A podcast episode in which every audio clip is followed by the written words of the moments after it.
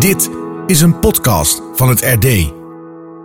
Bij ons thuis, een podcast over christelijke opvoeding met Evert Parten. Moet je je kinderen wel naar de zondagschool sturen? En wat als je kind scheve opmerkingen maakt als het gaat om seksualiteit? En gaat je kind op oudere leeftijd niet helemaal los als je het niet van jongs af aan al opvoedt met de smartphone? Nou, zomaar een paar vragen die luisteraars stelden naar aanleiding van de eerste afleveringen van Bij ons thuis. En in deze speciale vraag-antwoord aflevering hoor je de antwoorden. Ja, deze keer dus even heel iets anders. Uh, er zit geen gast tegenover me, dus dat is eventjes uh, wennen voor me. Maar dus wel een stapeltje vragen van luisteraars die ik de afgelopen weken heb gekregen. Ja, leuk trouwens om al die vragen en reacties te lezen. Nou, laat ik de gelegenheid ook even gebruiken om iedereen te bedanken voor de positieve waardering die we krijgen op deze podcast. Ja, daar, daar zijn we natuurlijk heel blij mee. En het is helemaal mooi als je hoort dat er luisteraars zijn die zeggen van ja, ik kan er ook echt iets mee in de praktische opvoeding.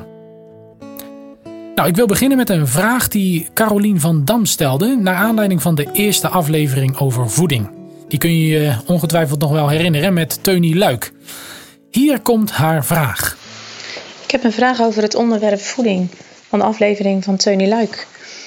Ze had het uh, over zoveel mogelijk onbewerkt en tegelijk uh, gaf ze later aan dat ze behalve de zondag alle dagen in de week ook uh, margarine eten. Nou, volgens mij is margarine juist een product wat verre van onbewerkt is.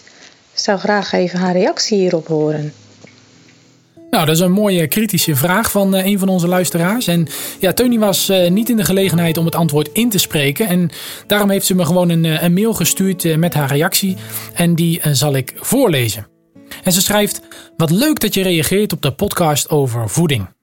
Nou, ik kan me voorstellen dat je je wenkbrauwen optrok toen je hoorde dat we door de week margarine op ons brood eten.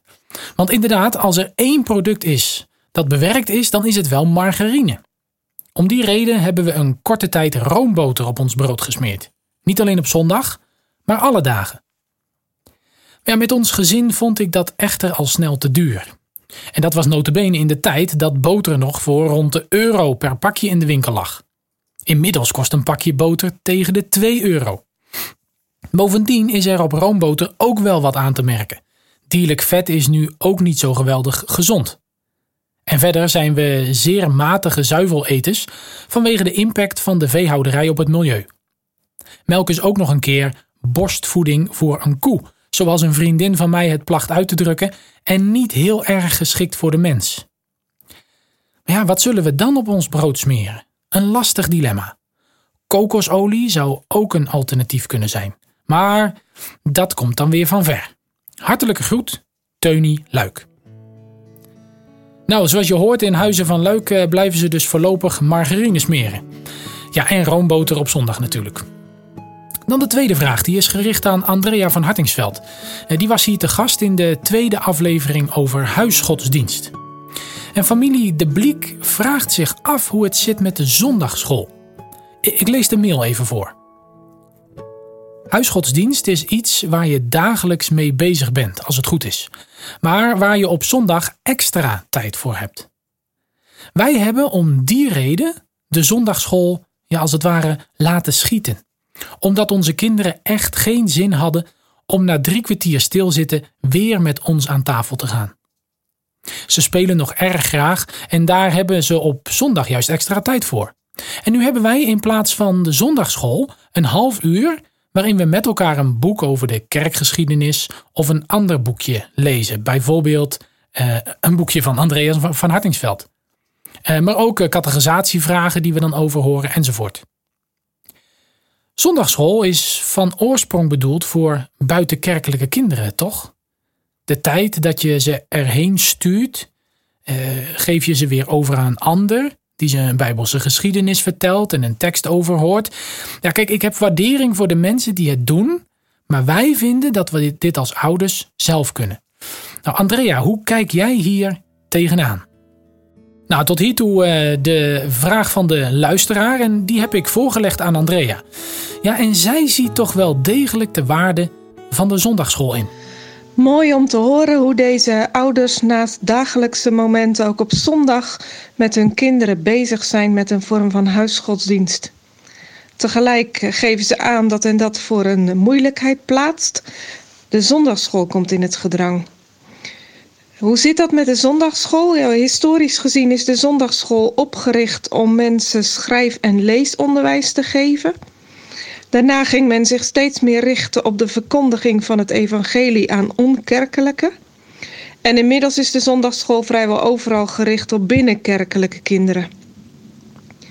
Nu klinkt de laatste tijd de oproep om veel vroeger te beginnen dan de gebruikelijke leeftijd van 12 jaar met catechetisch onderwijs in de kerk. Je zou de zondagschool kunnen zien als een vorm van catechisatie aan kinderen. En om die reden vind ik de zondagschool een waardevol initiatief dat onze steun verdient. En is het ook goed om als ouders je kinderen naar de zondagschool te laten gaan. Een bijkomend voordeel is dat kinderen op deze wijze meer verbonden zijn aan de kerkelijke gemeente. Wat belangrijk is voor de kerkelijke binding. En wat ook menselijkerwijs gesproken kerkverlating kan tegengaan omdat we niet weten hoe het in de toekomst met het reformatorisch onderwijs gaat, is het denk ik belangrijk om zuinig te zijn op zondagscholen. Mogelijk hebben we elkaar als gezin en kerk straks heel hard nodig hierin. Al met al dus redenen genoeg om het zondagsschoolwerk te steunen en te proberen om je kinderen eraan te laten deelnemen. En hoe zit dat dan met het knelpunt van de vraagsteller? Nou, het is, dat is een heel uh, herkenbaar knelpunt.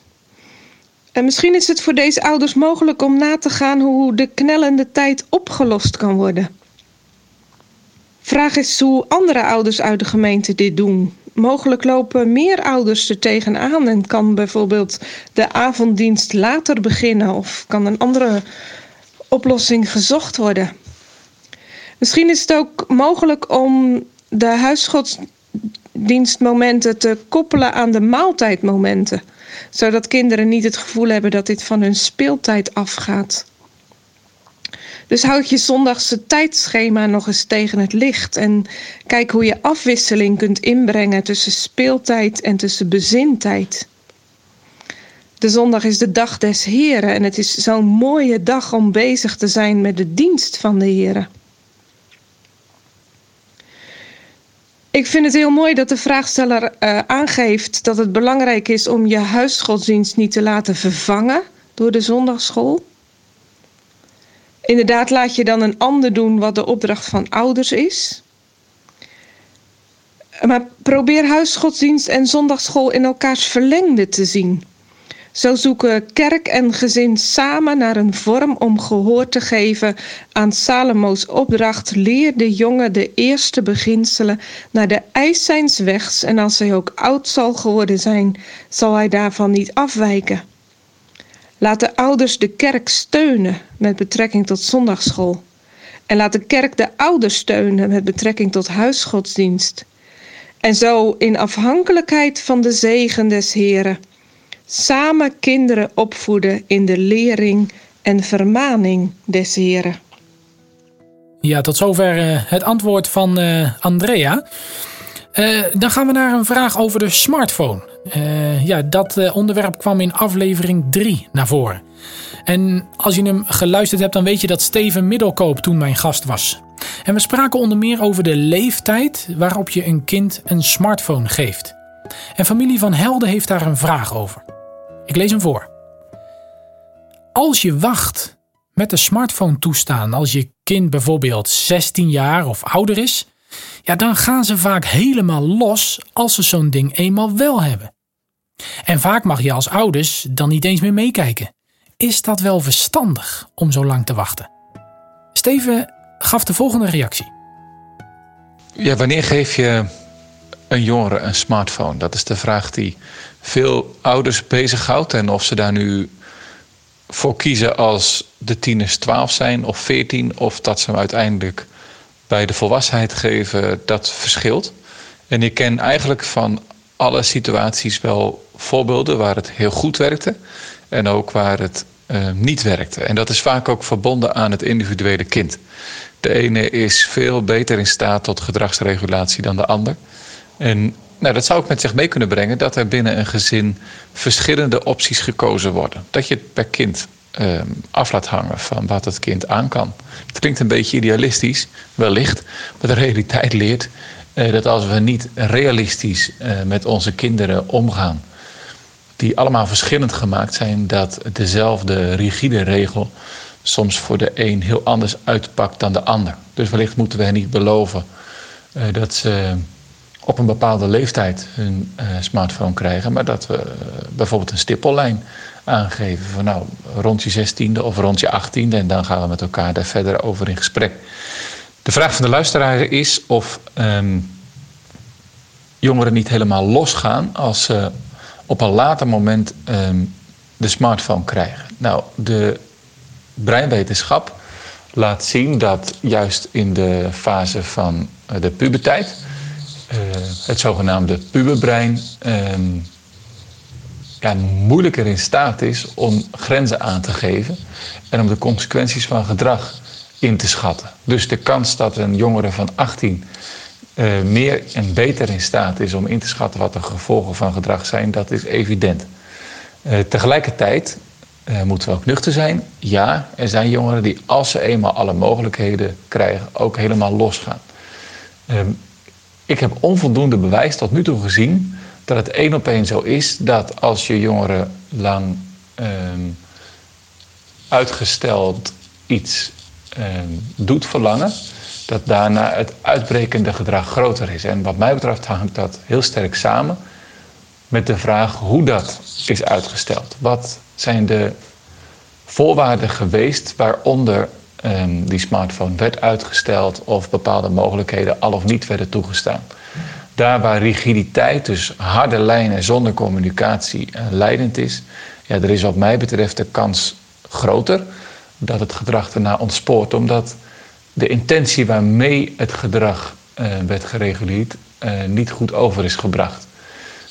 Ik zie voorbeelden van ouders die bepaalde dingen uitstellen in hun gezin of afwijzen en tegelijkertijd volop in verbinding blijven. Ik heb deze vraag ook even voorgelegd aan een vader van een groot gezin waarvan ik weet dat uh, alle kinderen na hun achttiende pas um, een smartphone uh, krijgen. En hij geeft aan. De meeste kinderen bij ons die een mobieltje kregen na hun achttiende gaan er redelijk matig mee om. Het helemaal losgaan hangt meer af van karakter dan van leeftijd. En zelfs zou het waar zijn, het uitstel heeft, geeft meer tijd voor voorbereiding en meer tijd om liefde voor lezen te ontwikkelen. En bovendien, de jaren van uitstel zijn toch maar mooi meegenomen. Alle kinderen die dit voorrecht krijgen, kunnen zich nog voorstellen hoe het leven is zonder smartphone. Kijk, daar zit een hele belangrijke. Blijkbaar is er een leven mogelijk zonder smartphone. Hoe mooi is dat? En die ervaring wil je volgens mij je tieners niet onthouden. Of het nu een detox is tijdens de zomervakantie, waarbij alle telefoons in de Jona-box in de kast gaan. Of dat het uh, ja, uitgestelde aandacht voor de smartphone is. Bijvoorbeeld tot je veertiende, tot je zestiende of, ach waarom ook niet, tot je achttiende. Dan ben je immers min of meer volwassen. Ja, uitgestelde aandacht tot je achttiende. Nou, uh, ik ben benieuwd hoeveel uh, luisteraars dat gaan redden. Um, we gaan naar een volgende vraag. En dat is een anonieme vraag over seksualiteit. Het onderwerp dat in aflevering 4 naar voren kwam. Ik lees hem voor. Hoe komt het dat een van onze kinderen nooit iets wil horen over seksualiteit? Wij geven deze opvoeding vanaf kleins af aan en gericht op hun ontwikkeling en leeftijdsfase, maar ook gewoon in een gesprek. Er is dus absoluut geen taboe op bij ons in het gezin.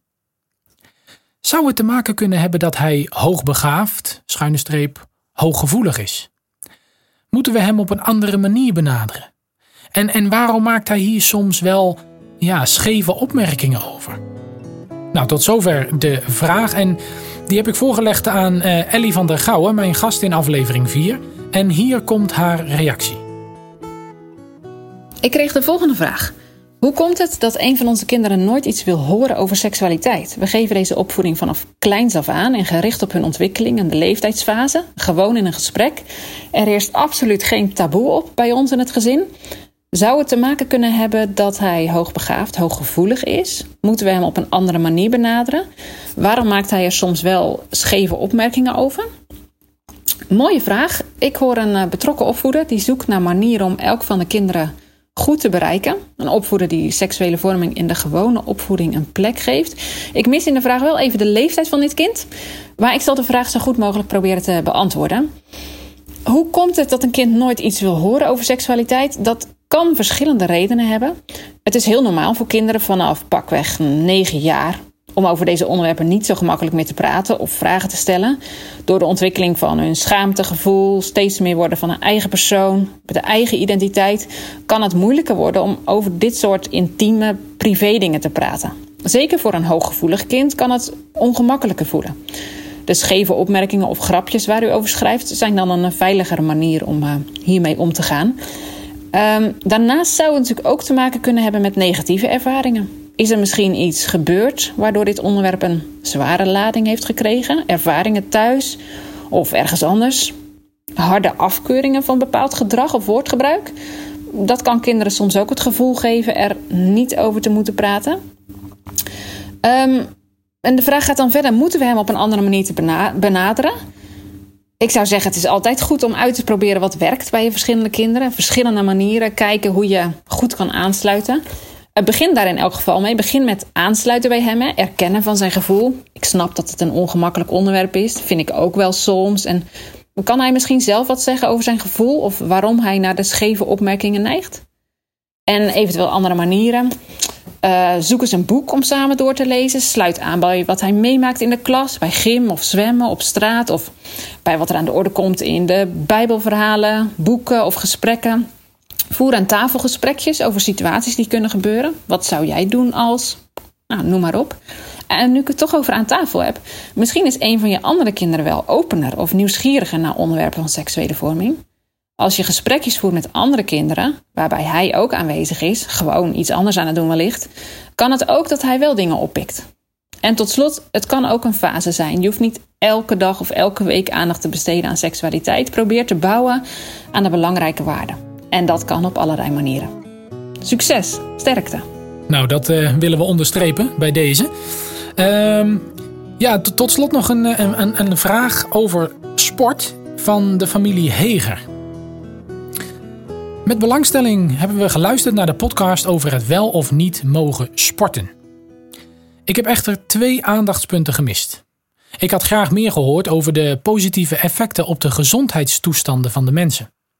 Een sporter zal minder snel geconfronteerd worden met hart- en vaatziekten, met slechte algehele conditie, overgewicht, gewrichtsklachten, welvaartsziekten als diabetes en dergelijke. Helaas komt dat in het denken en spreken over dit onderwerp in christelijke gezinnen, scholen enzovoort niet altijd goed in beeld. Het heeft alles te maken met de plicht om goed voor je lichaam te zorgen, wat wel, wat wel genoemd werd in de podcast. Enige verdieping door voornoemde zaken concreet te benoemen zou aan te bevelen zijn geweest. Een ander punt is dat bij veel beroepen een goede lichamelijke conditie gewenst is of zelfs een eis is. Denk maar eens aan de politie, brandweer, de militairen, maar ook in de zorg. Vaak willen christelijke jongeren wel die richting op, maar ja, het is eigenlijk triest als blijkt dat men zelfs een redelijke conditietest niet haalt.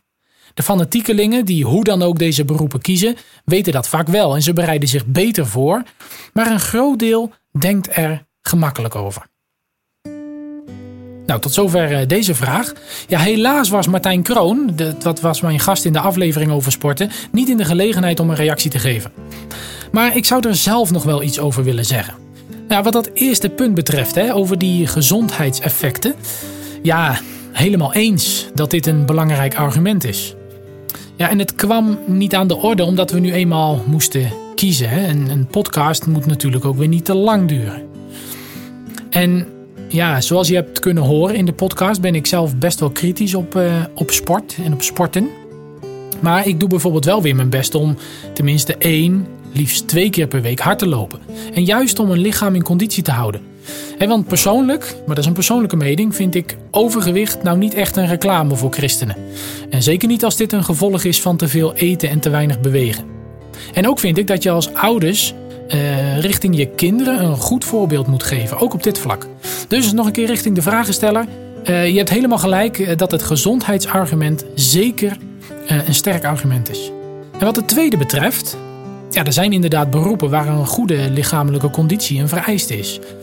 En nou is het natuurlijk wel zo dat als je eenmaal zo'n beroep uitoefent, dat de organisatie je vaak wel faciliteert om, je, om, om aan je conditie te werken. Maar goed, ja, dan blijft wel het punt staan dat je wel eerst binnengekomen moet zijn. Dus je conditie eh, moet dan natuurlijk wel eh, op orde zijn. Dus dat is ook zeker een terecht punt. Nou, hiermee zijn we alweer aan het einde van deze aflevering. Maar als afsluiter heb ik nog een mooie opmerking van een luisteraar. Het is een al wat oudere vrouw die me belde en even met me wilde praten over de podcasts. Ze zei mooie dingen over haar moeder en de invloed die zij had op de kinderen. Ik lees haar reactie voor. We luisteren graag naar deze podcast. Zo ook naar aflevering 8 over het uiterlijk. Eerst moet ik even vertellen dat wij als gezin wel heel erg bevoorrecht waren een moeder te mogen hebben die de Heere mocht vrezen. En dat bewaart toch wel voor veel zonde. Al hebben we, ondanks dat, toch ook wel veel zonde gedaan en we doen ze nog dagelijks erg genoeg. Maar als wij als kind of puber kleding aan wilden die onze moeder niet fijn vond of vond dat het echt niet kon, dan vroeg ze altijd: Kind, denk je er wel aan waarom we kleding dragen? Ja, en dan ging je toch wel nadenken. Al vond je het natuurlijk ook echt niet altijd fijn en leuk dat ze daar weer over begon. Toch durfden we er niets tegen in te brengen, want we voelden gewoon dat we daar onze moeder pijn mee deden. Maar ook de heren, want we wisten natuurlijk heel goed wat moeder bedoelde. Tegelijkertijd wilden ze ook dat we er goed en verzorgd uitzagen. En als kinderen zich willen opmaken, oh dan zou moeder gezegd hebben: Ben je niet tevreden zoals de Heer je gemaakt heeft? In Romeinen 13, vers 14 staat toch ook: Maar doet aan de Heere Jezus Christus en verzorgt het vlees niet tot begeerlijkheden. Eerlijk gezegd hou ik persoonlijk helemaal niet van opmaken, maar dan kom je aan deze opdracht nog alles tekort. Maar ik weet wel, als je moeder dat zo voor zichzelf mag beleven, dat er dan nog zoveel van uit mag gaan, dat je daar heel veel respect voor had als kind. En daar mogen we nu, nu we ouder zijn, nog vaak aan terugdenken. Nou, hopend dat jullie hier ook wat aan mogen hebben, ouders. Zelf hebben we geen kinderen, dus dan is het misschien wat gemakkelijker om alles te beredeneren, maar onze ervaring is dat het leven naar het woord meer doet dan veel woorden van een mens. Nou, tot zover haar reactie. En weet, het is een van de vele reacties die we de afgelopen tijd kregen. En ja, daar zijn we dankbaar voor. En blijf ook reacties sturen. Als je het ergens mee eens bent of juist niet, als je goede ideeën hebt, alles is welkom. In de volgende aflevering gaan we het hebben over een ja, toch wat triest onderwerp: kerkverlating. Hoe komt het dat jongeren de kerk de rug toekeren? En wat kun je daar als opvoeders tegen doen? Daar gaan we het over hebben. Tot volgende week. Als gezin toe aan vakantie? Kies dan voor Bungalowpark Hoge Heksel en boek een van onze vakantiehuizen of nieuwe lodges aan het water.